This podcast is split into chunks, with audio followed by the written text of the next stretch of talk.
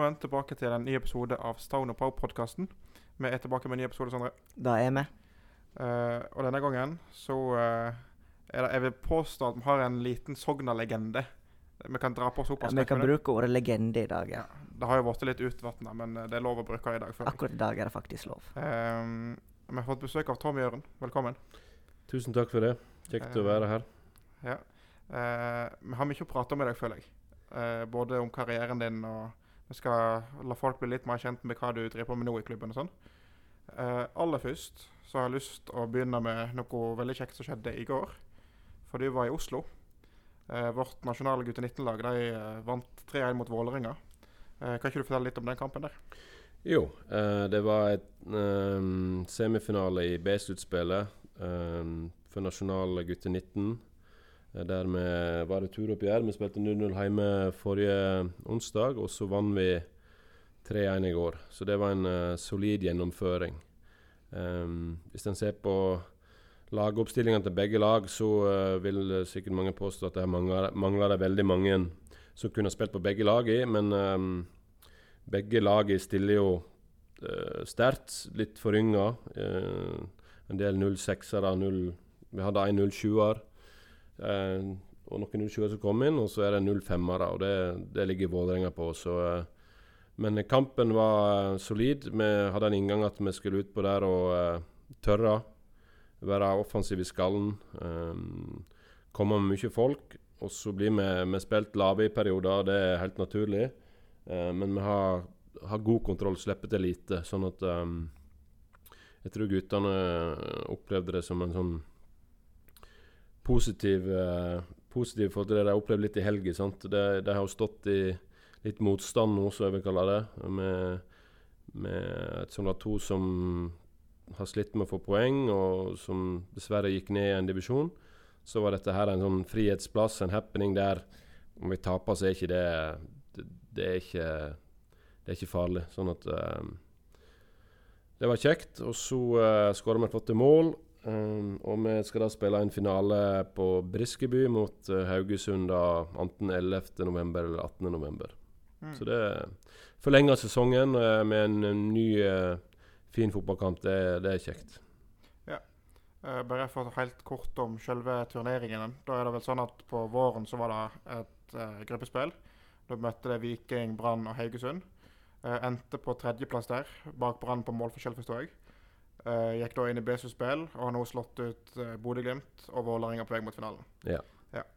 Um, Det jeg kan legge til, er at den, denne, denne her serien her er på en måte skal, skal være en litt sånn i skuldersesong. Det vil si at eh, eh, 17-18-19-åringer skal ha en god kamparena i januar, februar, mars, april. Og det er da, altså før den ordinære sesongen starter. Eh, de kampene i, i, vinter er viktige for oss. Um, å få de kampene. Og så ser vi litt nå i høst at det, det er en utfordring både for oss og rest, resten av laget. Det ser en jo litt på, på lagoppstillingene. Sant? For en del er tilknyttet A-lag, en del er tilknyttet andre lag. sånn at um, disse høstkampene er litt sånn utfordrende for oss. Men likevel, vi, vi reiste med en bra gjeng til Oslo, og, og de fikk en uh, voldsom fin kamp. Ja. Uh, som du nevner, Haugesund i finalen på Briskeby. Uh, ikke helt bestemt dato, men 11. eller 18. et lag som det slo to ganger for så vidt i gruppespillet, Mm. men det har vel forandra seg mye på den tida, vil jeg tro. Ja, det er jo altså på det, i disse alderssegmentene vi snakker om her, så er det helt umulig å vite hva de stiller med. sant? Eh, de kan komme veldig skarpt. Eh, de kan komme sånn som de gjorde i, i vinter. Da kom de skarpt, det er ikke det, men vi, vi stilte skarpt i vinter sant? Med, med de som er tilknyttet A-laget òg. Sånn at um, det er litt umulig å si. U uansett så er det en uh, fin referansekamp. Uh, hvem vi hvem vi stiller med, så, det, så, blir det en bra fotballkamp. Og det ser vi fram til. Du nevnte litt hva slags spillere som er med på det laget, men trenerteamet. Hvem er det som er med der? Eh, det, eh, Nasjonal G19 er på en måte Det er jeg og Patrick Karolusen og sammen med altså Ørjan Hestesund som lagleder. Det er på en måte vi som er knytt til det laget. Eh, og dette er et kamplag. altså Det er jo, det er jo primært Sogndal 2.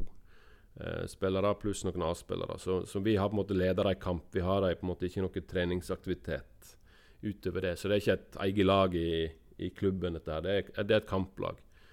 Um, og så var nå han Patrick var på tur, så da var det meg og Martin Nattvik som da hatt lag i disse to kampene. her. Og så får vi se til Nå må reise til Briskeby om det blir um, Patrick eller meg eller hvem som, hvem som styrer. Men vi, vi leder det litt i lag, og så blir vi enige om en kamp en gang, og så uh, gjennomfører vi kampene sammen. Uansett veldig artig at en kan hevde seg litt mot andre lag i Norge sånn på den måten. Og spennende å se i finalen om, om jeg kan få et godt resultat der Ja. Uh, som jeg nevnte litt i starten, så skal vi òg prate om karrieren din i dag. Uh, vi kan bare gå over til det med en gang, tenker jeg. Eh, du har jo spilt i hovedsakelig to klubber, kanskje tre hvis du legger med Årdalstangen. Eh, Sogndal og HamKam, altså. Eh, kan ikke du fortelle litt om hvordan, hvordan du starta med fotball i utgangspunktet?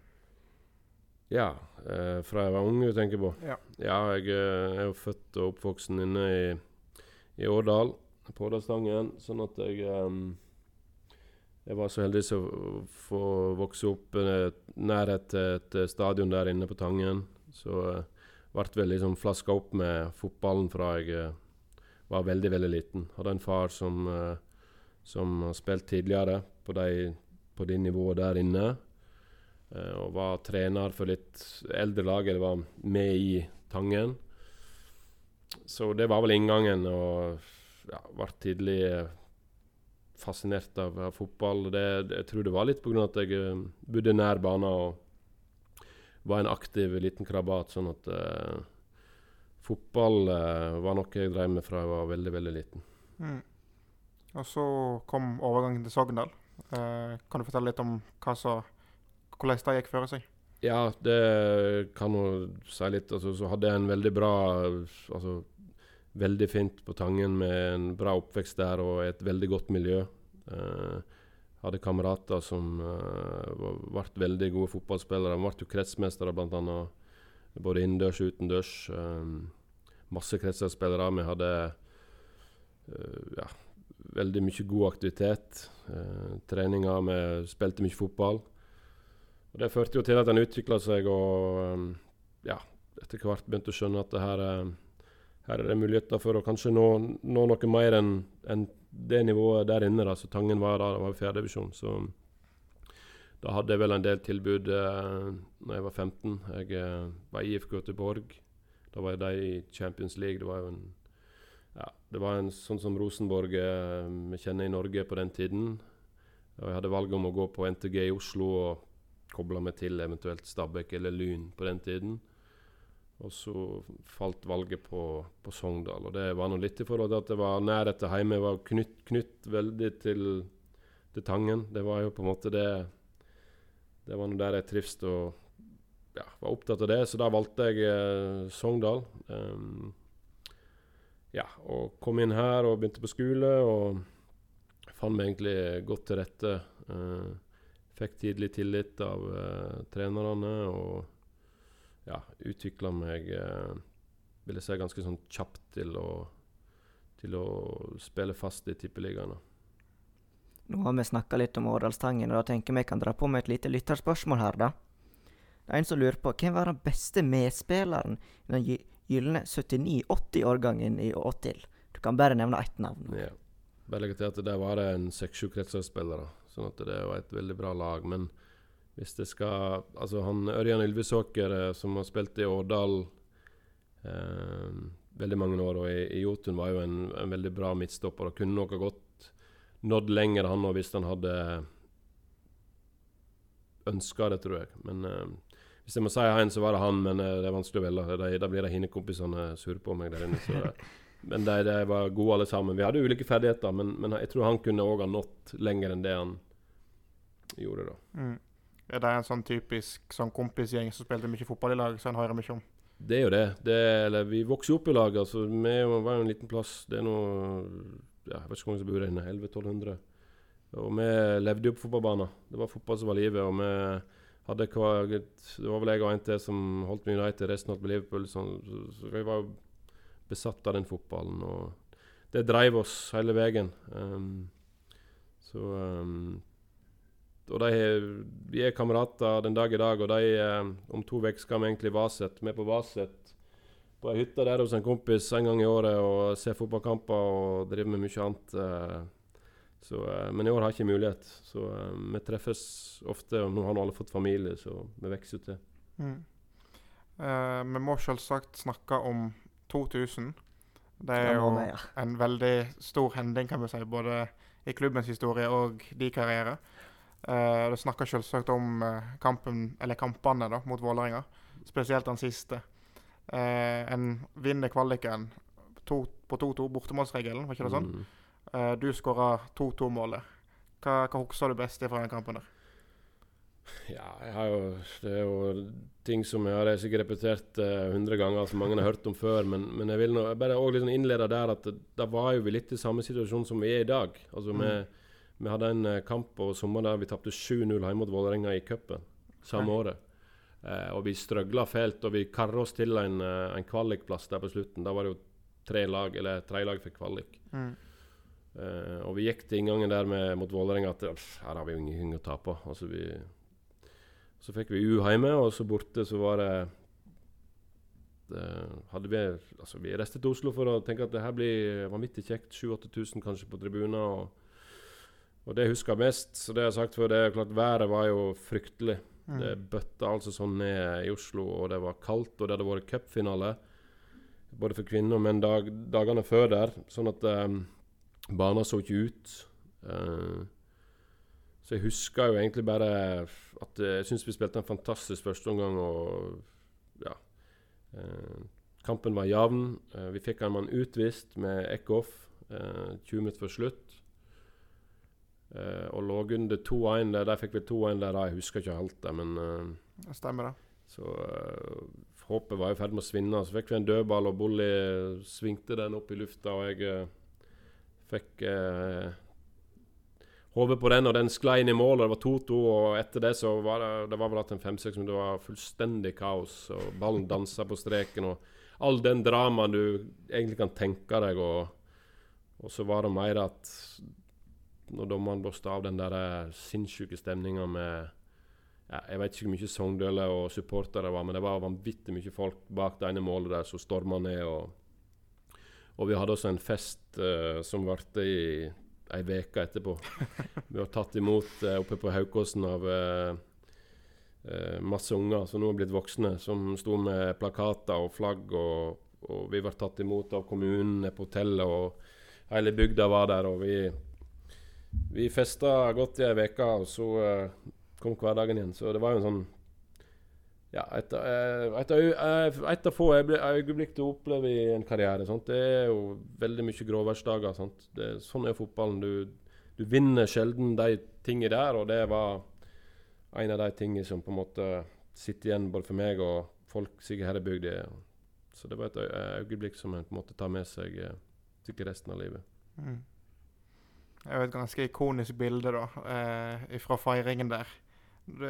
Drakta er jo søkkvåt. sånn. Det har jo regna som bare det. og Ja, det er jo det. Og vi, klart, vi, jo ikke, vi er jo ikke sånn som eh, i dagens fotball. Vi hadde jo ikke med oss to draktsett. Sånn at vi sto og dusja i pausen. For det var jo veldig kaldt. og vi var... Så det at vi, vi sto med fullt påkledde med skruknotter inne i dusjen der og vreide ved drakter sånn at vi fikk litt varme i oss for når vi gikk ut etter pause.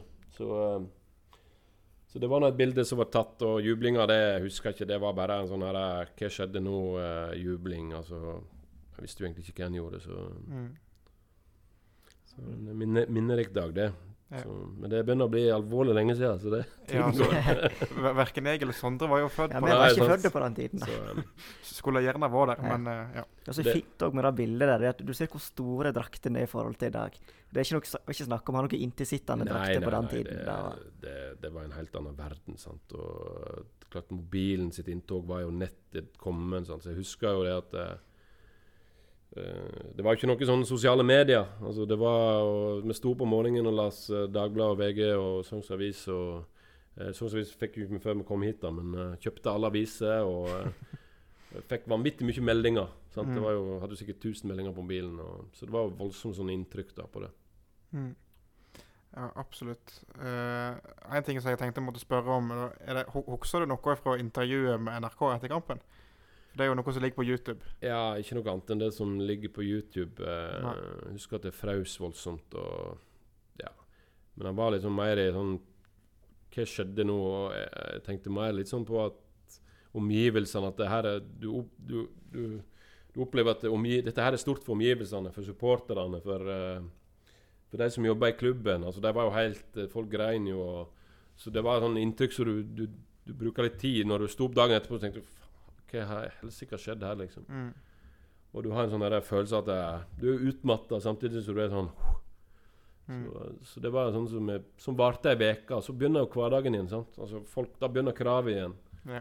Um, så, du, så du levde lenge på den, eh, den eh, veka i etterkant der. Mm. Ja, for det er jo spesielt én ting som jeg syns er litt artig i det intervjuet. da, Det er jo at du, du er jo veldig ung på det tidspunktet, Ja. og Uh, Nesbø som intervjuer deg, han spør jo da hvor lenge blir du nå i Sogndal?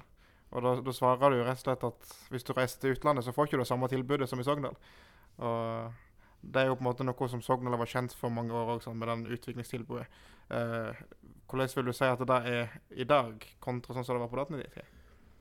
Eh, det som var, det jeg mente sikkert der, var det at eh, altså, vi var jo en, eh, en gjeng som var veldig sånn sammensveisa. Altså, Mm. miljøet eh, eh, Mange En del Vi var kompiser, da. Sant? Altså, det er en kompisgjeng som reiste den kvelden og slo Vålerenga. Så klart at det, fotballen da kontra nå, den er jo totalforandra både i, i, i norsk sammenheng og ikke minst i europeisk sammenheng. sant?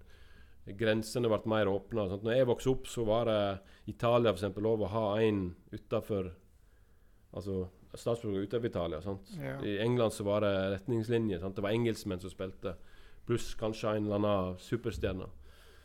Så, så i dag så er fotballen annerledes. sant? Det er Samfunnet har totalt forandra. Det er agenter. sant? Det er, det er sosiale medier. eh, Så, så livet som fotballspiller var, var nok enklere før enn det er i dag, da.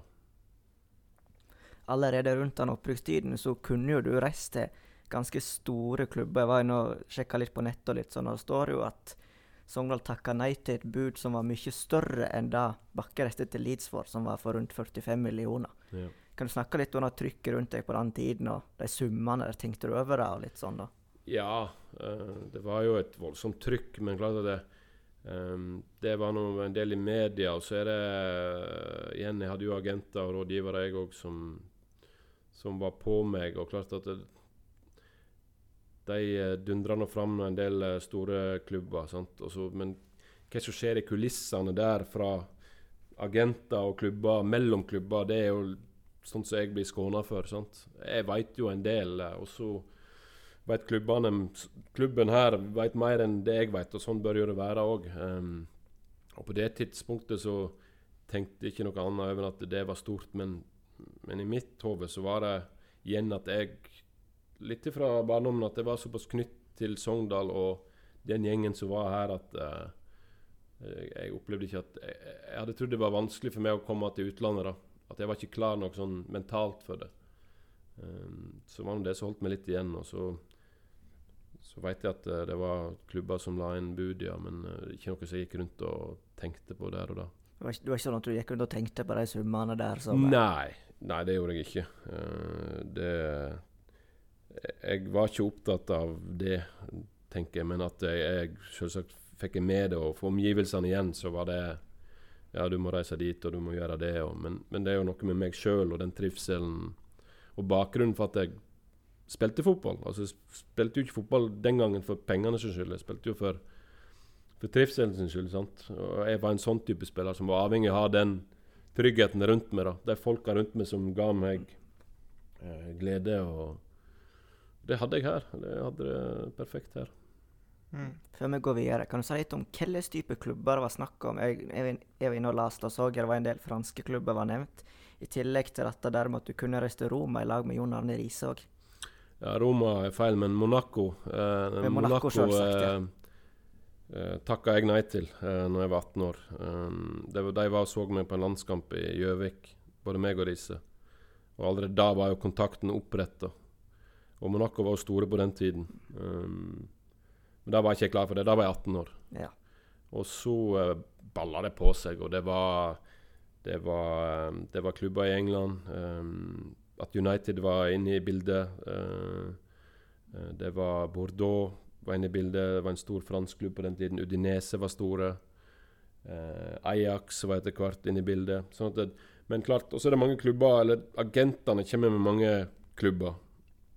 At det nå er f.eks. Uh, Juventus eller Milan interessert i deg. Uh, men ikke noe mer konkret enn det. Sant? For du venter alltid på hva klubben, klubben her sier. Mm. Og så vil klubben antakeligvis ha fått en del henvendelser sant, som ikke jeg vet om. Så Men sånn var jo klubbene da. De, de, og sånn er de i dag. Altså, det er sånn de lever. De, de går til agenter, og agenter setter føringer i hodet på spillerne. Og så har du helst ikke lyst til å vite om det før det er noe konkret du har å forholde deg til. At nå har det kommet et bud på 50 eller 100 og så går du på kontrakt. sant? Altså det, så Før det så er det veldig mye sånn sladder, som jeg kaller det. At Lazio har visst litt interesse for deg. Altså, det er ikke noe behov for meg å vite mm. før det er noe konkret som ligger på bordet. Og sånn var det jo mye. Ja. Eh, som du nevnte, eh, en god fest etter Vålerenga-kampen i 2000, og så kom hverdagen. I ja. 2001, eh, da var det tippeligaspill. Eh, men det som måte, kanskje var mest definerende for din karriere, skjedde jo òg dette året. Da tenker jeg på skaden du yeah. fikk. Yeah. Eh, kan du fortelle litt om hva som skjedde? Nei, uh, vi, jeg si? vi begynte jo bra den sesongen òg. Og så var vi i Molde 16. mai og spilte mot Molde. Der lå under 3-0. Fikk eh, henta opp igjen etter 3-2. Og det var ja, Vi jakta vel litt på slutten der, begynte å flytte folk opp, og de begynte å dra ut tiden. Og så ble det takla bakfra. og Lå nå der og vrei meg. Og Skjeldestad i mål mente at jeg burde komme opp igjen. Ja. Men jeg, jeg, kjente jo her at her er det mer enn en, en type overtråkk. Eller For smertene var såpass intense. Sånn at jeg, ja, jeg ble båren ut, og så kom jeg inn i garderoben, og kjente da begynner smertene. altså da begynner jo adrenalin å slå inn litt, sånn at smertene gir jo seg litt. Grann. Så jeg blir frakta til sykehus med ambulanse. Og, og, så finner jeg et brudd oppe i, i, høyt oppe i, i leggbeinet, altså rett under kneet der. Mm. Og det er jo ikke den verste skaden. Det var, en, det, det var jo et lite brudd i leggbeinet, men den verste skaden var jo det som skjedde i ankelen. Og det så jeg da etterpå, sånn at, for jeg så jo at ankelen begynte å bli hoven. så jeg hadde en sånn syndismoseskade som det heter, en kapselskade. Og jeg hadde alle band og alt som var jo gående. Så det var den som var litt sånn faretruende, da. Mm. Bruddet i seg sjøl i foten var ikke farlig. Så da Ja. Da ble det vel eh, Da ble jeg operert samme natt og tilbrakte en dag i, på 17. mai på Molde sykehus.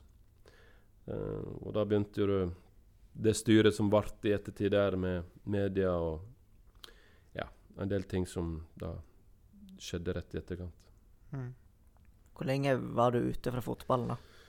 Nei, jeg var ikke ute så lenge. Jeg var jo tilbake igjen i en av de siste kampene, mener jeg, sånn seks-sju måneder.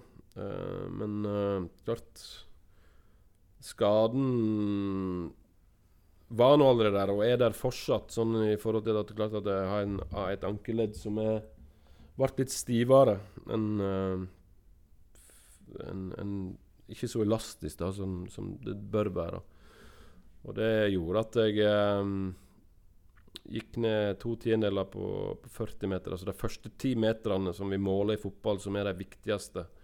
Altså det her med, med akselerasjon og sånn, det gikk jo ned noen prosent. Og klart at det det gjorde noe med meg. Og selvsagt det mentale. klart Det var jo en type spiller som liker å drivle. Og så en ble jo litt mer eh, redd da. Og så var rehaben, som jeg sier, den gangen Klart i dag Hadde det skjedd i dag, så hadde jeg eh, Hadde det nok gått bedre enn det gjorde da, fordi at eh, han hadde et helt annet personal rundt laget. Sant? Nå hadde vi en fysioterapeut på den gangen. Det hadde ofte de aller fleste lag. Vi hadde jo ikke lege. Vi hadde ikke vi hadde en fysio som kom kanskje inn en gang i veka og behandla deg. Uh, ellers så ble du litt overlatt til deg sjøl i, i gymmen. Og en 20-åring som ikke helt veit så verken er glad i å være i et styrkerom og helst har lyst til å spille fotball, så var ikke det det letteste. Så, um, så uh, kom jo litt uh, skjevt ut, kan du si. Eh, hvis ikke du hadde fått den skaden her, hvor langt tror du du kunne nådd? Det blir synsing. Um, det er faktisk ikke noe jeg har tenkt på, eller det er gjennom omgivelsene som tenker ofte det var dumt med den skaden din. Det var trist at ikke du ble det. Og ja, jeg kunne sikkert sittet ned på ei øy nede i Spania og telt penger, eller men, men, igjen, så Det var ikke det viktigste. meg. Der og da når jeg ble skada, så var det viktigste å bli frisk igjen. Sånn at du kan spille fotball. Det er på en måte det primære for meg. Og det, var, det har fulgt meg hele livet. Jeg har spilt fotball fordi at uh, Jeg har spilt det fordi at jeg syns det er det moroeste jeg visste. Og for å ha det moro så må jeg trives i de rette omgivelsene med de rette folka. Og jeg må ha, ha trygghet. Altså det vil si at jeg må ha trygghet rundt meg. Og det har vært det viktigste. Pengene har jeg, har jeg og alltid gitt litt F i. Det ordner seg alltid, har jeg alltid tenkt sånn sett. Og det, det har nå gjort. Mm. For å gå over til litt sånn lysere ting, da, så har jeg litt lyst til å snakke litt om eh, det Sogndal-laget som var på starten av 2000-tallet. Det er noe man fortsatt snakker mye om i dag. og Mange store profiler om med deg og Stadheim og Håvard Flo på topp og Raoul Coaco der bak og slik. Ja. Hva var det som gjorde at for det var, var det rundt 2003, vil du si at det var da de var på sitt aller beste? Ja, det var noe det, det var de året der som Men 2003 var vel high, toppen, kan du si. Nei, hva skal jeg si Det, det var jo et lag som passa veldig godt i lag. sant? Det, på banen, og ikke minst utafor banen. Uh, igjen, den tiden der var det ingen sosiale medier, det var ingen mobiltelefoner. Vi måtte være kreative. Uh, vi hadde et jækla bra miljø. Vi fant på ting utafor banen uh, som bygde igjen relasjoner. Og så var det en lag som var sammensatt på en måte at vi hadde Vi hadde Raoul, som eh, ikke var en feinschmecker med ballen, men som elska å uh, si, hindre mål. Vi hadde Marcoreda, som var en smart midtstopper, som var bra med ballen. og vi hadde to backer som var veldig offensive i Kalvenes, eh, som nå i dag leder Brann, og Robbie Russell fra Amerika. Vi hadde Bolli, som var liksom maestroen på midten, som holdt limet i gang. Vi hadde Stadheim, som kunne gjøre det mest uh, utrolige med ballen. Uh, vi hadde Flo, som morda alt som var, som kom inn i boksen sant? med dødsforakt. Og så hadde du kanter som var eh, gode én ved én og kunne skape ting. Og så bygde en del laget hele tiden med nye spillere som passa inn i det systemet. Mm. Um, så Ustås kom inn og Altså, de går inn i, i rollene som er tilpassa laget. Så jeg tror det var litt det at vi, um, vi traff med spillere, og så hadde vi igjen tillegg klubbspillere som uh, hadde fått litt tid gjennom førstedivisjon altså, som unge gutter, og så tok steget opp og vokste seg store i lag med, med det andre. Og så klart at Inntoget til Håvard eh, Flo var jo enormt. Sant? Han profesjonaliserte mye. Profesjonaliserte mye, sånn at jeg ikke får kjeft for det.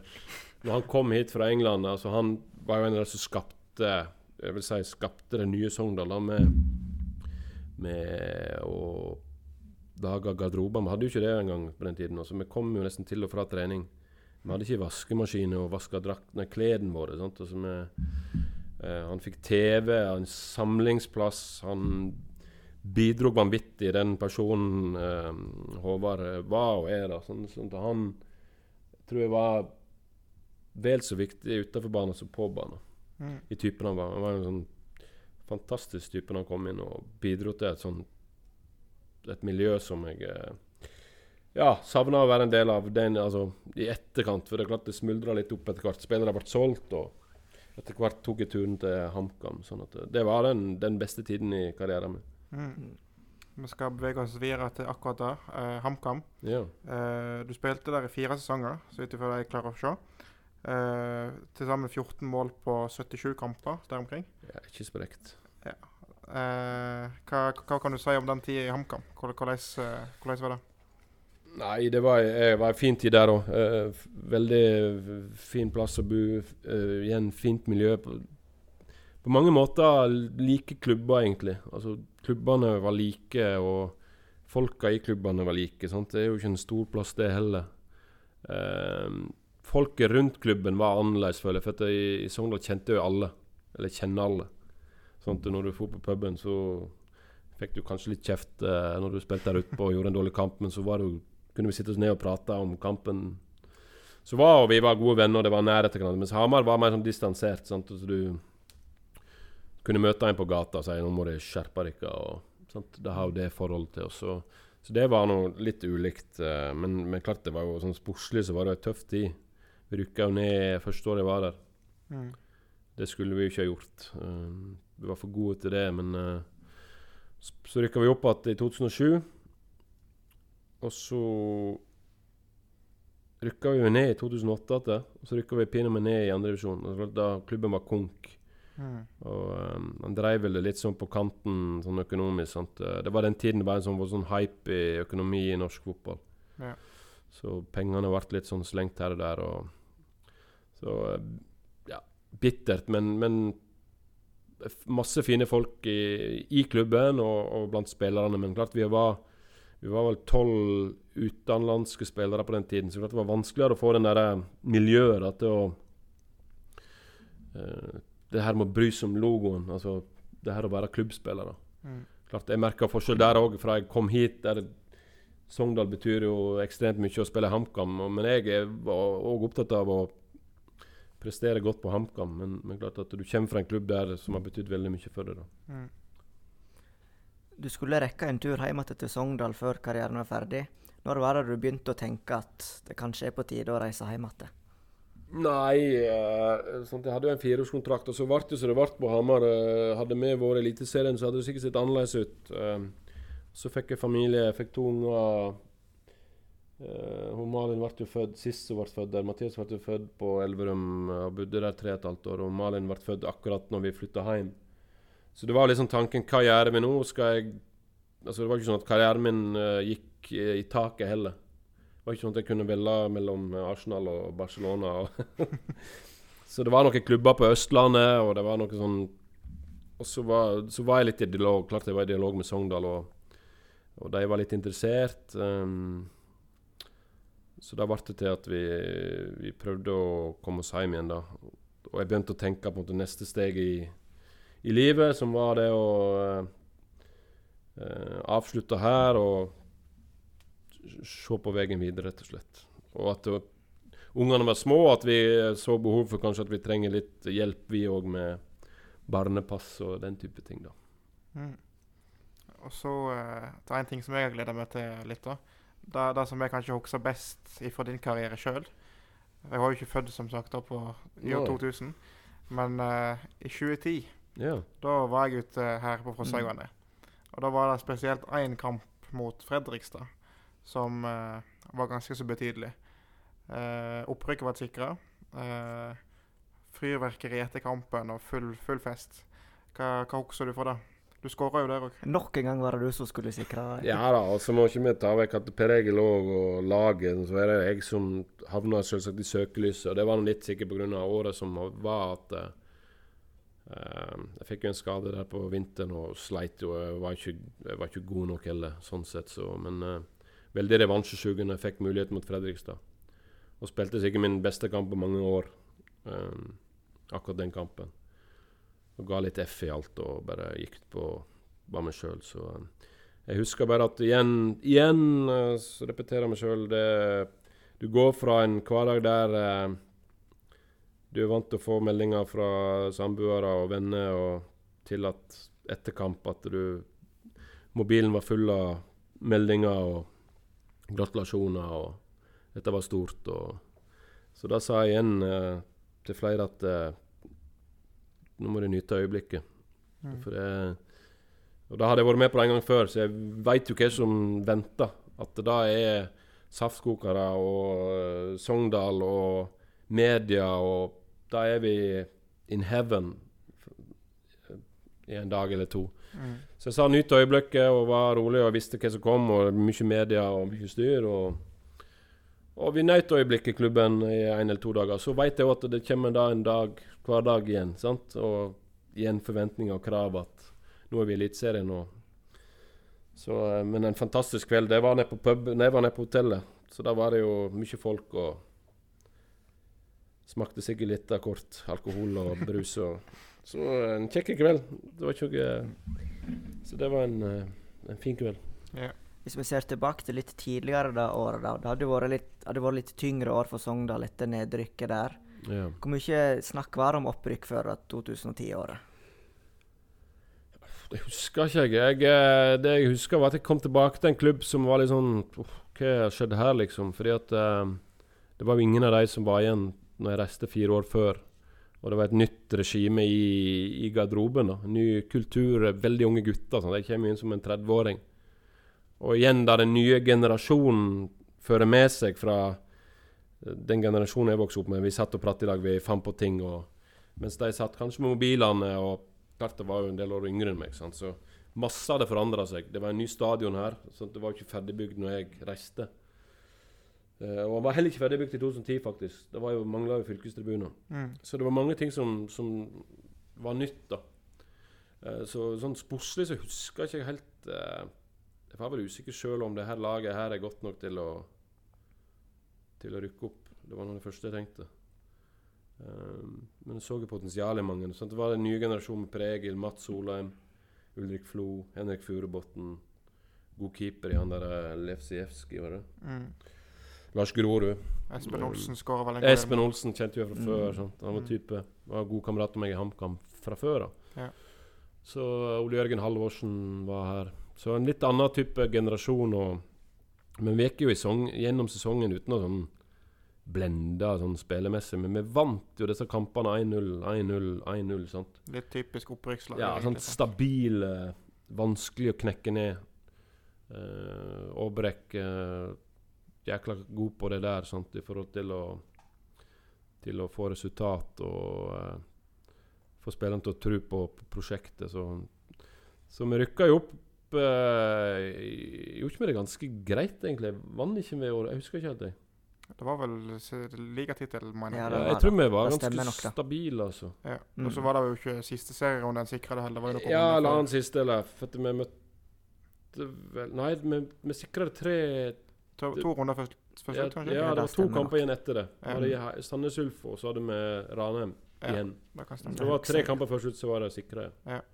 Så, Så det, altså det, det forteller jo at det var en veldig solid sesong. Og, mm.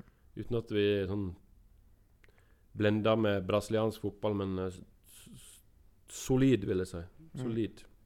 Ja. Skal vi se.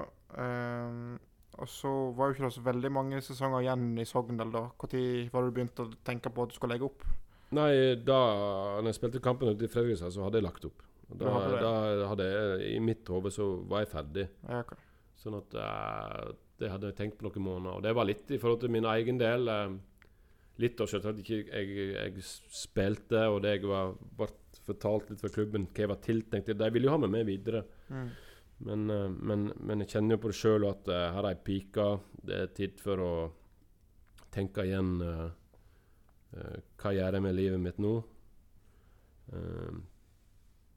Var lei.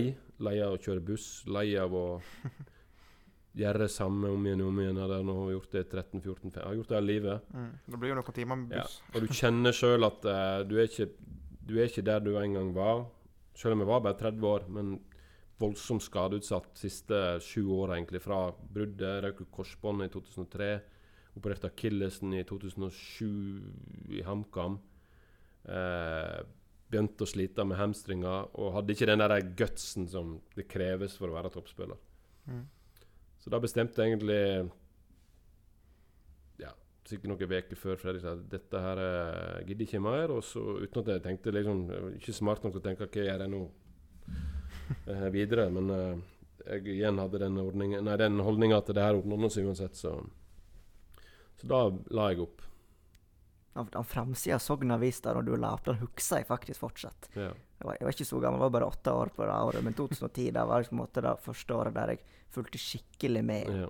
Så jeg husker fortsatt den framsida der du sa at du skulle legge opp. Ja, det var litt, var litt tungt da, rett etter den Fredrikstad-kampen. Ja da, det var jo eh, Det ble litt styr der, for at jeg gikk ut og sa at det mangla tillit um, til treneren. Det var jo Harald.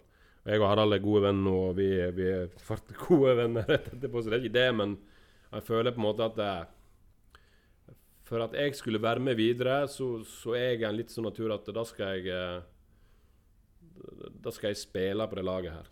Ja. Altså sånn i mitt hode. Ikke at jeg skal kreve å spille, men, men det var litt sånn at jeg, jeg sjøl òg følte at jeg ikke er god nok til det. Har jeg den driven som kreves fra meg til å være en av de to da, som spiller i front, eller Mm. Hvis ikke er det, så tenker jeg at da er det bedre at jeg overlater ansvaret òg til noen av de yngre som kommer fram. At eh, da er min tid over. Og, og sånn var jeg. Jeg eh, følte at jeg ja, var på vei ned, for å si det sånn. Mm. Og så er det jo ikke så veldig dumt å gi seg med et opprykk heller. Nei, det er jo ikke det. Og så var han jeg gira. Jeg syntes at jeg var gira. Og Eirik ringte meg. Han kom jo tilbake da, Bakke. Og var noe, prøvde å overtale meg òg. Men jeg var veldig bestemt da. Og så var jeg jo klart at det kribla jo vanvittig i beina når uh, Eliteserien var i gang her eh, på, Mm. på våren. Men, og det, det var nå sånn et år eller to, og så kjenner jeg på det at eh, kanskje det er like greit å bare gi seg mens leken er god. Så, Mm. Så jeg, kom jo inn etter klubben ganske kjapt. Og sånn, det var jo en del av miljøet. Um, så det ordna seg. Ja, Men jeg har jo funnet ut at du var jo ikke helt ferdig å spille fotball i 2010. For du har noen kamper for Sogndal 2 for så vidt, men òg Sogndal 3. Ja. Uh, Sogndal 3 er jo laget jeg spiller for nå. Eh, Husker du hvor mange kamper du har? Nei, jeg gjorde jo Jeg spilte jo Jeg måtte jo ta en kamp her siste. Husker jeg Jeg tok jo en kamp her uh, Da var det Hvem som trente det der? Jeg husker ikke det. Men uh, vi måtte vel få reise til Sandane. Det er siste kampen jeg spilte, tror jeg. Det kan stemme. Uh, og det var 2017, kan det være? Mulig. Uh, for jeg har ikke registrert noe på den kampen i tilfelle. Uh, men de, de tre kampene du står oppført med på Sogndal 3, det var i 2013. Ja. Uh, da hadde du ett mål. Uh, det var en 8-2-seier borte mot Balestrand. Oh, ja. Ja, Nei, eh, det husker jeg, husker faktisk ikke. Det kan stemme, det. Jeg, jeg husker at jeg har vært med og rykt ned med som 3 òg. Ja. I 2000 og etter skaden min. mm, Da skulle vi toppe et lag, og så røk vi mot Cyril. mm, Men, eh, men jeg husker altså det, er mange, det, det, det er de som er rundt og gjennom omgivelsene. Jeg husker mye mer enn jeg. Jeg husker veldig lite av mange av kampene jeg har vært en del av. Altså. Jeg husker de store men masse blir jo bare viska vekk. Sant? For du har spilt så horribelt mange kamper. Nei, men det er kjekt. Du, du skal ikke gjøre comeback for Sogndal 3, da? Vi hadde Nei. trengt en uh, storskårer. Nei, jeg eh, sto i mål sist jeg spilte fotball. Eh, da sto jeg i mål på veterancupen i Lærdal. Tapte finalen mot Brann der for, eh, før koronatid. Etter det så har ikke jeg spilt fotball, og de prøver å lokke meg med på alt mulig. Kjempenes liga og veterancuper og, og innendørstreninga. Vi har jo en del sånne sosiale ting. Men, eh, så jeg er nå med av og til, men jeg jeg tenker som så at jeg gidder ikke å gå rundt og knekke en fot eller ryke et kne nå. Altså, det orker ikke jeg. Jeg har det egentlig ganske behagelig med å ha føtter som på en måte fungerer i den alderen jeg er nå. Jeg er bare 43, men jeg vil ha de føttene her når jeg er 60. Og hvis jeg begynner nå å spille og Jeg kunne helt sikkert spilt en sånn trekamp, det er ikke det. Mm. Men det hadde ikke vært noe vakkert syn. Nei, men det, Da, da, det, vi, det gidder jeg ikke. da får vi slå oss til ro med det. Ja. Altså. Du får, sat, du får satse på at du slipper å spille flere kamper med bare ti mann neste sesong. Ja, det var litt tungt. Vi skulle til Eikefjord, selvsagt. Eh, Ørjan trener spilte i lag med ni spillere. Ja, sant. Nei, jeg er, den tiden er over for min del. Ja. Men uh, da passer det seg vel å gå litt videre til neste tema, og det er din rolle i klubben i dag. Ja. Og hva er det du egentlig gjør på nå? Uh, offisielt så er du trenerutvikler. Det er liksom det som er tittelen din, hvis vi skal være litt fin på det. Uh, hva er, er det innebærer det ved en trenerutvikler? Ja, hva det innebærer. Jeg fikk, eh, det vil bare si, jeg har endra litt instruksen nå eh, for halvannen måned siden. um, til å være trenerutvikler i, i U-avdelinga. Det er jo primært å bistå de litt yngre trenerne som er i utviklingsavdelingen nå. Ikke komme helt i gang med den jobben, for at jeg er inne i så veldig mye annen jobb med nasjonale lag og kretslag og sånne type ting. Og så er det å være med og forme litt um, Hva skal vi si Sitte for at framover Altså det jobben min vil bli, er å sitte for at uh, trenerne følger den metodikken uh, trening, treningsmetodikken vi har. Uh, at vi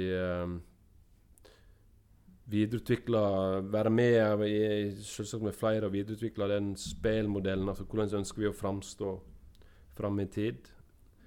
på det nivået vi snakker om nå. Det gjelder både A-lag og andre lag. Og, så en er litt rolle inn mot det. Spille litt med Terje, eh, Tore som er der nå, og de som er knyttet rundt akademiet vårt, altså Sogndal 2 og nasjonallag. Vi er, jo, vi er jo en gjeng der nede som diskuterer veldig mye fotball, og som de ser, så eh, så eh, det er ikke sånn at vi ikke sitter nå og altså Vi òg ser at vi må, vi må, endre oss, vi må, vi må gjøre noe nå. sant? Um, og vi jobber alt vi kan for å på en måte prøve å få resultat, primært for laget vårt. sant? Så, og nå har vi vært inne i en tung periode, og så, så tenker jeg at eh, det har vi vært før, og at vi, vi skal reise oss igjen. altså.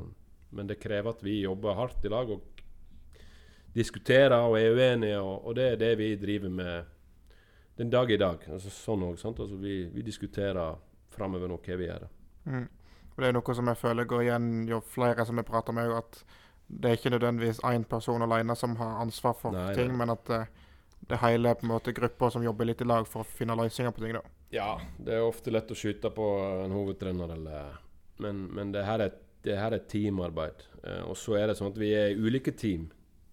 Vi er ulike team. Vi har et A-team som består av veldig mange personer. Og i det, i det teamet der så er det også spillere. Altså det, det er spillergrupper som skal, skal bidra. Mm. Det, det, er de som skal bidra til det her.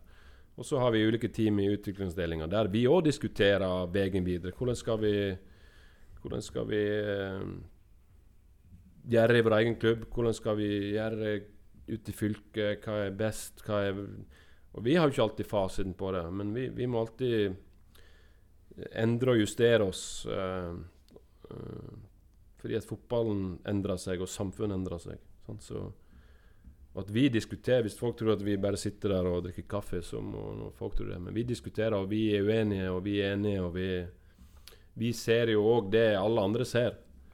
Og så er det masse internt som vi ikke kan gå ut med. Mm. Det er mange ting som skjer i en fotballklubb.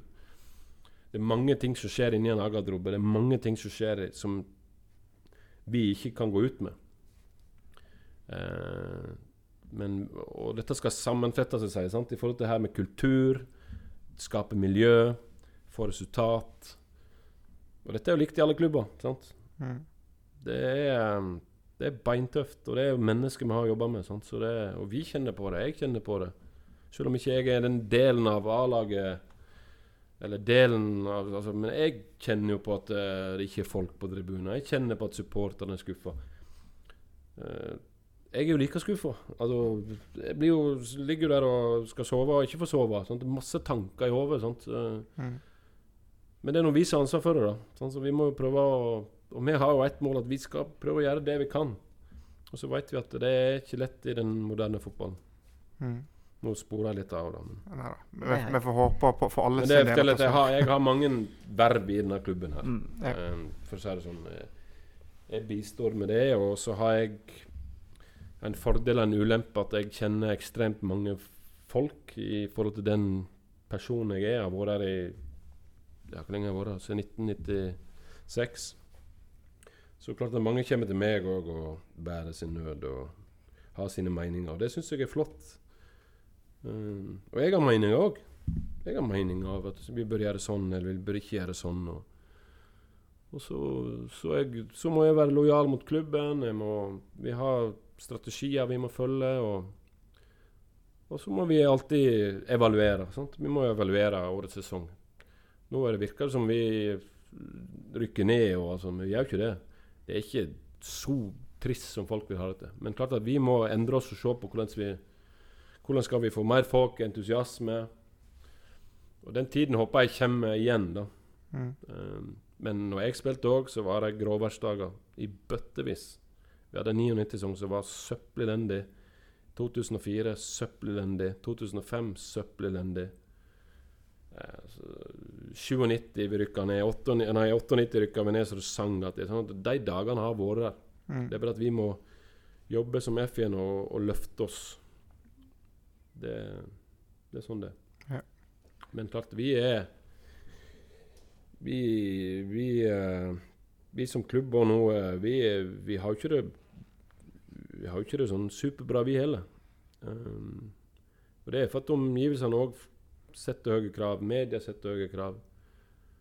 Uh, og vi føler at vi er ikke der vi skal være, men, men samtidig er ikke det så svart som folk tror. da. Det det er, det er krevende å ha en, en toppklubb der, vi er, der vi bor. Um, både sånn økonomisk og med, med de folka vi har å ta av. da. Mm. Så, og det må folk huske på. Vi må ikke bli altså, Vi er en liten plass. Og vi har tross alt vært her nå i 50 år. Sånn at uh, det vil svinge rundt oss. Og uh, vi jobber alt vi kan for å komme oss opp igjen. Da skal vi sikkert. Jeg tenker vi kan ta et lytterspørsmål jeg nå. For du har, jo, du har jo vært her som et ungt talent sjøl, og nå er du har ansvar for mange unge talenter. Mm. Hvordan er det annerledes å være trener for talent nå, sammenlignet med da du var ung? Ja, jeg vet ikke hvordan det var å trene når jeg var ung, men eh, jeg kan jo si litt om Sånn som jeg ser det, da. Så samfunnet har endra seg. Det er jo de en del av òg. Eh, spillerne endrer seg, folk endrer seg. Eh, det er sosiale medier. Det er et helt annet, sånn, helt annet samfunn vi lever i. Når jeg vokste opp, så ble jeg god fotballspiller fordi at jeg brukte all min tid på aktivitet. Altså fysisk aktivitet. Sånn at jeg hadde ikke mobil, jeg hadde ikke datamaskin, jeg hadde ikke PlayStation, jeg hadde ikke kanaler. Jeg hadde NRK. Så jeg var ute og leka. Jeg var ute og spilte fotball. Jeg var ute og spilte håndball. Jeg var ute og drev friidrett. Så, så min aktivitet Dagen min var sprengfull med aktivitet. I dag er det litt annerledes. sant? I dag er, har vi voldsomme anlegg. Um, men vi har for få som driver den uorganiserte aktiviteten som vi drev. Og Det er litt av den Så når vi får opp spillere i dag, så får vi opp uh, ofte spillere som har vært del av en uh, Hva skal jeg si eh, aktiviteter, aktivitet, hvis du skjønner hva jeg mener. Fra de er veldig unge. Altså Det er sånn som vi driver her med miniakademi fra de er seks. Kommer ferdigrigga til bane. Eh, antall økter gått opp. sant? Eh, før måtte vi trene en gymsal. I dag har vi en storhall. Mm. Um, eh, vi har kunstgressbane som vi kan bruke året rundt. Eh, sånn at det, den organiserte fotballaktiviteten går opp med antall økter i veka. Um, så det er jo litt av forskjellen. sant? Sånn at eh, Jeg tror litt av den der skjulte leiken fra du er liten, sant? der du knekker de tingi. De har sikkert med ting de har drevet med da små. Jeg var i hvert fall sånn at når jeg spilte fotball da jeg var liten, så, så prøvde jeg på ting. Jeg, eh, det var ikke noe organisert. Jeg sto og hamra løs på mål og hamra løs på mål. Prøvde å kopiere heltene mine som jeg fikk inn på NRK. Da var United på NRK den gangen. Mm. Og jeg er et produkt av det. Altså, det er ingen, det er ingen, eh, det ingen snarveier for å bli god i fotball. Og så, så jeg har jobba hardt for det. Altså, eller i leiken. Altså. Eh, og så kommer du eh, opp der som jeg jobber nå, så er det så, så, så, så er det ofte spillere som er relativt OK fotballspillere, sant? som har en base, altså det har en grunnmur, som jeg vil si. det. Det har et, det de kaller talent, eller Mm. en eller annen form for, som gjør at de kan være litt bedre enn noen andre. Og så er det å prøve å forme det videre.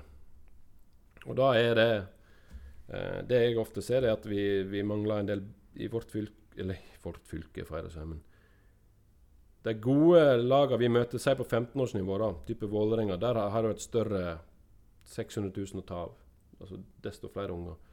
Så er de kommet litt lenger på det som kalles skulering. Altså de har kanskje litt bedre basisferdigheter enn oss. Jeg sier ikke at alle har det, men de er mer skulerte. da. Eh, de må jobbe kanskje litt hardere for det.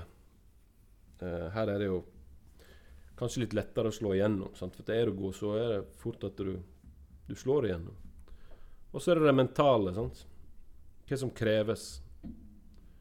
Eh, der, er, der merker vi jo endringer, og, det, og der er det et trykk fra foreldre, eh, fra andre. Sant? Det mentale i fotballen skal bli god, er jo vanvittig viktig. Mm. Altså, hva, hva er det som egentlig kreves? Og det er jo veldig få som kan Det er veldig mange som mener noe om det. Men det er veldig få som kan si noe om det. Og jeg kan jo mene en del Jeg kan si en del om det, Jeg veit jo hva som kreves. Mm. Og det er knalltøft.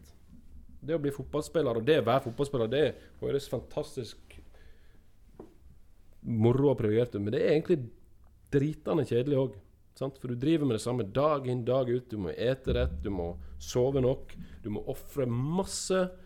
Eh, som kanskje kompisene gjør. Det å reise ut på eh, bygdafest første gang. Eh, du må prioritere.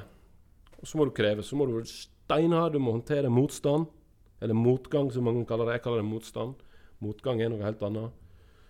Du må håndtere medgang når det flyter. sant? Og de tingene vet jeg jo jeg ganske mye om. Så er det når jeg jobber med det som de sier talent, jeg kaller det eh, spillere som har på en måte potensial til å bli veldig gode, så er det det jeg peker først og fremst på. Det er, vil de det her nok? Hvis du vil gå denne veien her, hva kreves da? Mm. Og da går det på da går det på standarder vi er i klubben. Det å være presis til trening, det å, det å oppføre seg, Det det å gjøre ditt beste. Det det å være god lagkamerat. Det å legge inn det ekstra. Det er det vi kaller den eierskapet til utvikling. Så skal vi være med på veien og, og hjelpe deg. Men jeg kan ikke trylle heller. Det er du, Martin, hvis du hadde vært 15 år nå. Du må. Det er du som må gjøre den jobben der. Mm. Og, og, det tenker jeg er, viktig å, å uh, forstå. Så tror jeg, når en kommer opp der, så er det litt tilfeldigheter, litt flaks. Hvem ser deg, hvem ser deg ikke? Men uh, det er en vanskelig jobb. Ja. Uh, et annet spørsmål som kanskje går litt på det det som vi har fått inn, er uh, Vil det nytte med hårfønerpause, altså den, den, velkjente hårføneren i pausen, og evaluering slik det kanskje fikk fra til dømes Harald Aabrekk og Trond Fylling? Eller skal ungdommen i dag bare ha skryt og mer konstruktiv kritikk?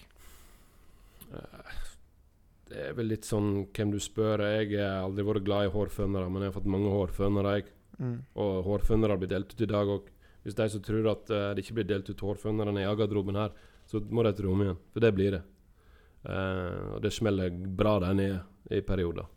Og det gjør det på, uh, på mange områder. Men jeg som har 15-åringer, jeg går ikke inn i garderobe og skjeller dem ut, hvis det er det jeg tror. Men jeg setter krav. Mm. Fordi at de guttene jeg jobber med, de har, de har fortalt meg at jeg, jeg, har lyst til å bli så god, jeg har lyst til å opp, og jeg har lyst til å bli og da sier jeg jo, men da stiller jeg de kravet til deg òg. Da kan jeg stille krav. Og så er det min jobb å prøve å lære dem til hva er det som kreves, skjønner du? At de sjøl forstår det at jeg må møte presis. Jeg må jobbe steinhardt på trening. Skal jeg utvikle pasningsfoten min, så hjelper ikke det å komme på lagstrening tre ganger i veka. Da må jeg opp i hallen. Og så må jeg terpe, må terpe, og jeg må terpe. Og så vet vi at sjansen for å bli toppspiller den er enormt liten. Mm. Enormt liten. Veldig få som kommer gjennom denne ligaen. Og så tenker jeg at min jobb òg er å utdanne for, til å bli gode folk. Til å mm. få gode verdier. Det tror jeg fotballen bringer med seg. Det er et sosialt miljø. Et sunt miljø skal det være. Der alkohol, i hvert fall der jeg jobber De 15-åringene jeg jobber med, de skal ikke gå rundt og rave ned i bygda med alkohol. Hvis de har sagt til meg at de skal bli toppspillere. De skal, de skal lære at da må du gjøre det og det og det og det. Og det å være en god lagkamerat, du skal bli en god person. Det er jo på en måte det jeg jobber med disse spillene her òg. Og så kan det hende at de eh, må gå noen omveier, eller Vi har jo sett prov på det at de som, som, som jobber hardt, da. De som jobber hardt over tid, målrettet over tid, og som har potensial det er ofte de som lykkes. Mm. Så ofte så bruker jeg å ikke sløse vekk talentet deres.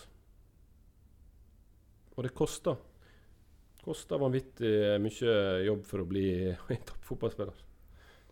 Så er det av og til et drita kjedelig liv. Det har jeg opplevd. Det er jo ikke moro å gå rundt og være fotballspiller og bli slengt dritt til. Sant? Jeg har jo stått på uh, Ikke så mye her da, på campus, det må jeg si. Jeg har ikke det har vært noen som slenger det. Men på HamKam fikk jeg oppleve at det er den egne bua. Det er jo ikke moro. Men jeg kan jo forstå det, og du må håndtere det. Mm. Det er ikke sånn at jeg kan gå på tribuner og denge folk heller. jeg må håndtere det, at folk har meninger om meg. Ja. Men det er jo noe jeg satte pris på når jeg la opp. Det var liksom at Når jeg spilte, så hadde jo alle meninger om meg. Sant? Eh, journalistene skriver altså, børsene sine.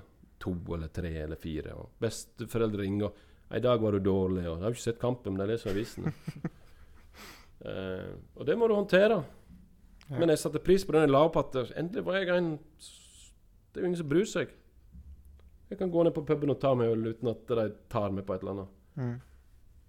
Jeg kan mene òg uten at noen sant? Det er jo en del av det å være fotballspiller. da Som du av og til ikke Du velger jo ikke det. Du har jo ikke lyst Det er jo ikke alle som velger å være i media og bli slakta eller sant? For det er jo mennesker vi har å gjøre. Mm. Det er noe som måtte følge med Mm. hele den pakka når du først skal være fotballspiller. Sant? At du får det òg. Ja. Og det er jo trist. Sant? Og det er jo det, det en ser litt nå i, i, i media. Nå snakker jeg ikke om her. Nå snakker vi om Twitter, vi snakker om Instagram, vi snakker om reels-videoer. Vi snakker om de aller, aller største stjernene på denne arenaen her Ja. ute i Europa som blir slakta. Og det er bare med fullt navn folk skriver. Mm. Eller på fiktive navn. Og tenk deg da, Sett deg inn i situasjonen og være eh, Ta Harry Maguire eller Det er jo en fantastisk god fotballspiller. Han hadde jo briljert her ute, skal jeg love deg. Mm. Og all den dritten han må tåle. Sant? Og klart at det Det er jo ikke sunt. Nei. Men, men det er sånn vi er. Det er jo tilfelle av Altså både tilfeldigheter, og uflaks og sånt. Sant? Og Ja. mye òg er jo ufortjent på mange Mm. måter. Så Så, så, så det er en del av gamet. Det er, det er klart det er drita moro å gjøre det bra og alt sånt, men, eh, men Og det må en tåle. Og så må en òg tåle at det går eh, sånn som det er. Det er mørke perioder der ting ikke går bra. Det må en stå i som fotballspiller. Eller leder, eller mm. Eh, over til noe helt annet, egentlig. Uh, vi skal tilbake igjen til Årdal. For vi har fått inn noen spørsmål om akkurat det. Uh, noen lurer på hva forhold hadde du til Jotun da du vokste opp? Da kan vi få kontekst si at du spilte jo for Årdalstangen. da, Ja. sant? Nei, altså, det var jo Det er ikke sånn, sånn voldsomt forhold til dem, egentlig. Altså, vi igjen, Jeg nå var med på et lag som knuste Jotun i aldersbestemt fotball når vi var yngre. Mm.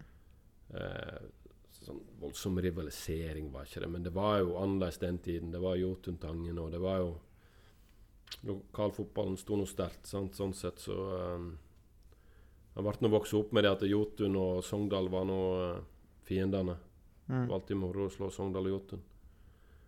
Så det var nå sånn det var. Så tror jeg det har endra seg i dag. Jeg tror ungdommene i dag ser det på en helt annen måte. Det ser det her ute òg. Det, det Generasjonen min og som er yngre, de går mye bedre i lag enn de som er pluss 60. De, de, har, de lever i den gamle historien. Så det har nok endra seg til det bedre, mener jeg, da. Sånn at ungdommene er, opplever jeg som greiere med hverandre. og Ja. og Jotun har ikke noe annet forhold til at uh, jeg, jeg, spilte bare barne- og ungdomsfotball mot det. Jeg har aldri spilt sånn mye seniorfotball mot det. Eh, oppfølging til det første spørsmålet. Eh, hva refleksjoner gjorde du da klubbene slo seg sammen?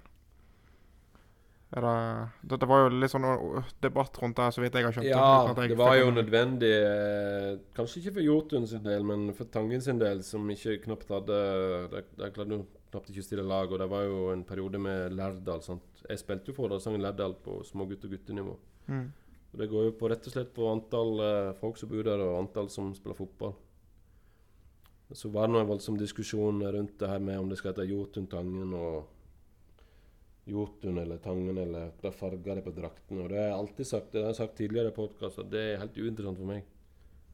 Uh, det viktigste er at de går sammen som gjeng og skaper et godt fotballag. Og, og så er det noe Årdal har, så er det kultur. Sant? Altså, det har en fotballkultur der inne som står veldig sterkt som er ganske unik i fylket. Det så du her senest for en uke siden. Mm. Eh, og, og det er jo noe som, som kanskje vi bør misunne dem her. Sant? Altså, lære litt ifra Og de var der for noen år siden der de på en måte var litt sånn splitta, de òg. Det var ikke den store interessen, men de har på en måte klart å snu det, da.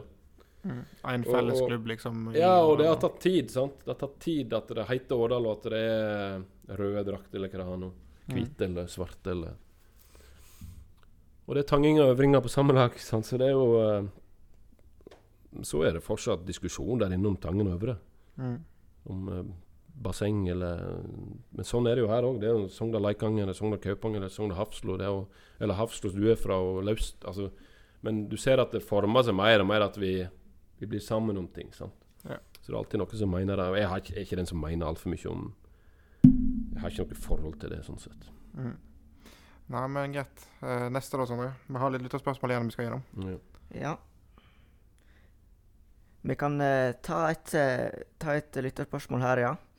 Um, hva var drømmeklubben å spille for? Du har ikke lov å svare å til. United. Uten United, tvil. ja.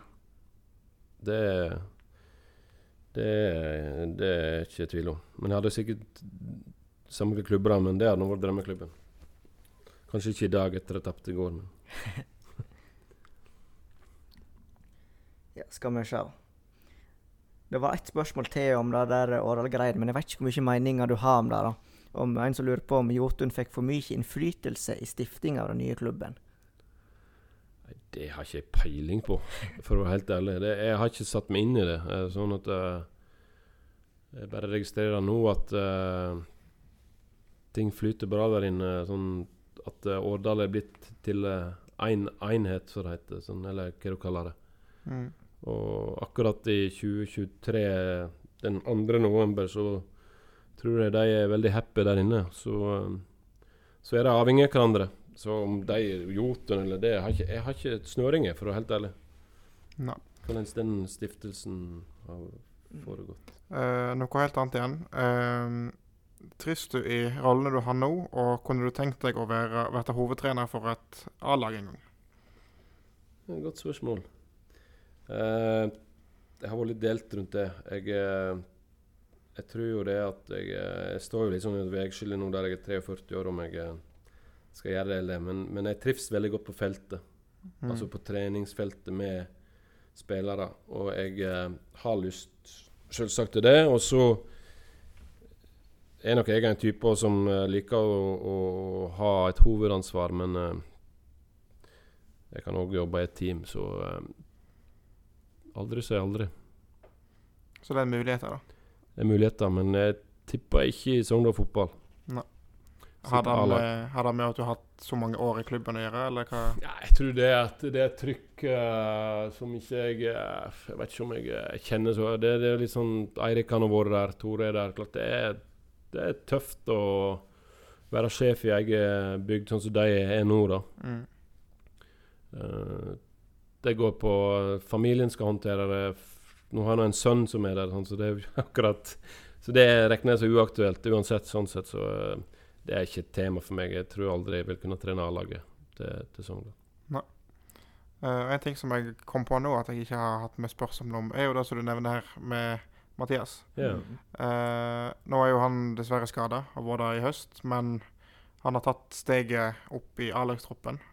Eh, hvordan er det for deg som far å se at han tar de stegene inn i, i A-lagstroppen? Jeg tenker det er kjekt for han. Um, jeg og han eh, vi har hatt, eh, Jeg har hatt et avslappa forhold til det siden han var liten gutt. Um, han må gjøre det han vil, og så, så Så kan jeg være en sånn Hva skal jeg si Jeg, jeg bidrar med det jeg kan inn mot han. Litt det jeg sa i stad, at eh, hvis du vil dette her, her så er det eh, Så fungerer det sånn og sånn og sånn. Da må du være forberedt på sånn og sånn og sånn. Eh, og så det er hans sitt Nå er det hans sin vei, og om det Så jeg sier om du om du blir det, eller om du ikke lykkes og du finner på andre ting og får en jobb, så det er ikke noe Jeg legger ikke meg opp i det. Sånn at han er der nå i startgropa, han har tiden foran seg, og han veit Jeg har på en måte sagt litt hva kravet er, og hva han må Hva han kan utvikle, og det kan jeg bistå men Det er det andre i klubben som styrer, jeg styrer ikke han der. Men jeg kan fortelle litt om at hva som må til, da. Ja. Og, og om ikke det går bra, så er ikke det farlig òg. Sånn. sånn at uh, dette styrer de uh, som jeg jobber i lag med. Jeg legger ikke meg borti det. Mm. Men klart at det er Han er nå en type som har vært en helt annen enn meg, sånn sett, og kanskje jobber mye hardere nå enn det jeg I den alderen han er, så jobber han steinhardt for å utvikle de tingene han mangler. Og så får vi se om han får resultat av det på sikt, men fortsatt unge. og Mm. for tidlig å si noe om det. Han, jeg tror han er trives der han er nå, så får vi håpe at han blir snart frisk igjen. Så. Uh, og så har vi sett han var jo litt inne i A-lag Ikke eh, A-lag, hva skal nå? I landslagstroppa, var det jeg skulle fram til. På U-landslag. Uh, som nevnt dessverre skada noe, så han gikk jo glipp av forrige Ja. samling og sånn. Men uh, hvordan er det for han, tror du, å få være med på disse samlingene der? Nei, det, det tror jeg han opplever som motiverende. Sant? Um, samtidig så det det er jo en happening, som jeg kaller det. Det er jo en bonus. og Han uh, blir kjent med nye nye spillere som helt sikkert vil prege toppfotballen i Norge fram i tid. Sant? Sånn at um, han får møte, han får reise mye og oppleve ting, men, men klart, jobben hans er jo her. Mm.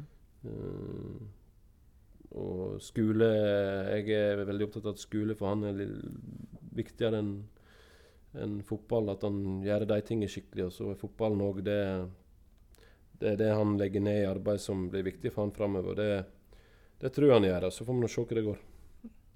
Som spillertype så er jo han Han er jo ikke i nærheten av li, lik, lik som deg. da. Han spiller jo midtstopper. Hva i alle dager er det som skjedde der? Nei? Nei, men det er nå Det som jeg sier Jeg vokste opp med en helt annen Jeg var nok mye mer ivrig enn det han var før. Um, han eh, Han eh, begynte på fotball, og så spilte han på i lag med veldig gode eh, spillere. Og havna nå bak der og har bygd seg sakte, men sikkert opp. Og så ble han veldig interessert sånn i 14 års alder.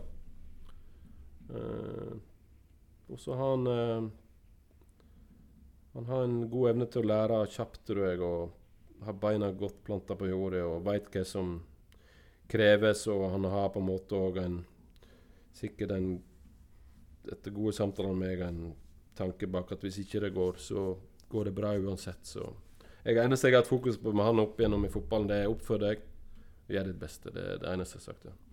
Aldri komme noe innspill på å gjøre ditt eller datt. Det er to ting. Oppfør deg, gjør ditt beste. Mm. Det er den oppveksten jeg har hatt òg, sånn, sånn at det er ikke noe ulikt. Det blir spennende å følge han i hvert fall. Så Det det. får vi håpe at vi kan få et opprykk med, med Øren som eh, matchvinner en gang i framtida. Ja, det, det kan godt hende. Det, det får vi se. Mm. Ja, et siste spørsmål før vi avslutter. Ja. Det er at eh, Kan du forklare hvorfor en 16-åring i fylket, enten han er fra Stryn, Eid eller Årdal, eller hva han skulle være Hvorfor skulle han velge å gå til Sogndal, og ikke f.eks. Molde eller Brann? Ja, Det eh, Hva skal jeg si Em, Trygghet tror jeg er litt nøkkelen. Altså, du, du er nær Du er nær heimen din. Jeg er ganske trygg på at du, du får gode folk rundt deg som vil ditt beste. Altså, da snakker jeg om trenere. Det er en Det er en stødig klubb. Eh, det er gode fasiliteter med skole og fotball her. Eh, og så tror jeg det er litt opp til hver enkelt. Jeg har lest litt om det og sett nå at ja, nå velger folk ditt, og folk velger datt. Og, og det har de alltid gjort. Det har jeg sagt. Jeg må aldri glemme at jeg valgte Sogndal litt for at det var hjemme hos meg. Eh, jeg spilte på lag med Assa Karadas som valgte Brann. Eh, Peter Åre Larsen valgte Ålesund. Eh, han Sandal valgte Høddi fra Måløy. Og så var det sånn at jeg og Bolli vi, vi, vi spilte på kretslag i lag når vi var 13 år, og han valgte å komme hit når han var 19, og Ødegaard Så det er liksom bingo. Kjetil Holvik for første Rosenborg, for så til Sogndal. Så jeg tror det er opp til hver enkelt. Um, jeg veit jo hva en får når en kommer hit, og at inngangen til toppfotballen kanskje kan være lettere her hvis du du er god nok, da. Eh, så kan vi muligheten være større enn her og kanskje gå via Rosenborg eller Bodø-Glimt Men jeg tenker at det er opp til spillerne sjøl. vi kan ikke tvinge folk til å komme hit. Eh, men vi prøver å gjøre det vi kan, og så eh, tror jeg at det er en trygg, trygg plass å være. Det er en fin klubb. Mm. Jeg tenker det er fine ord å avslutte med. Nå har vi kom, passert 1 time og 15 minutter, så det har vært en lang episode i dag. Eh, my- mye bra prat, vil jeg si. Veldig kjekt at du tok deg tid til å komme på besøk. Takk for det. Så eh, får vi se, Sondre, når neste episode blir. Da blir det. Takk for at du har hørt på, alle sammen. Superlag for Sogndal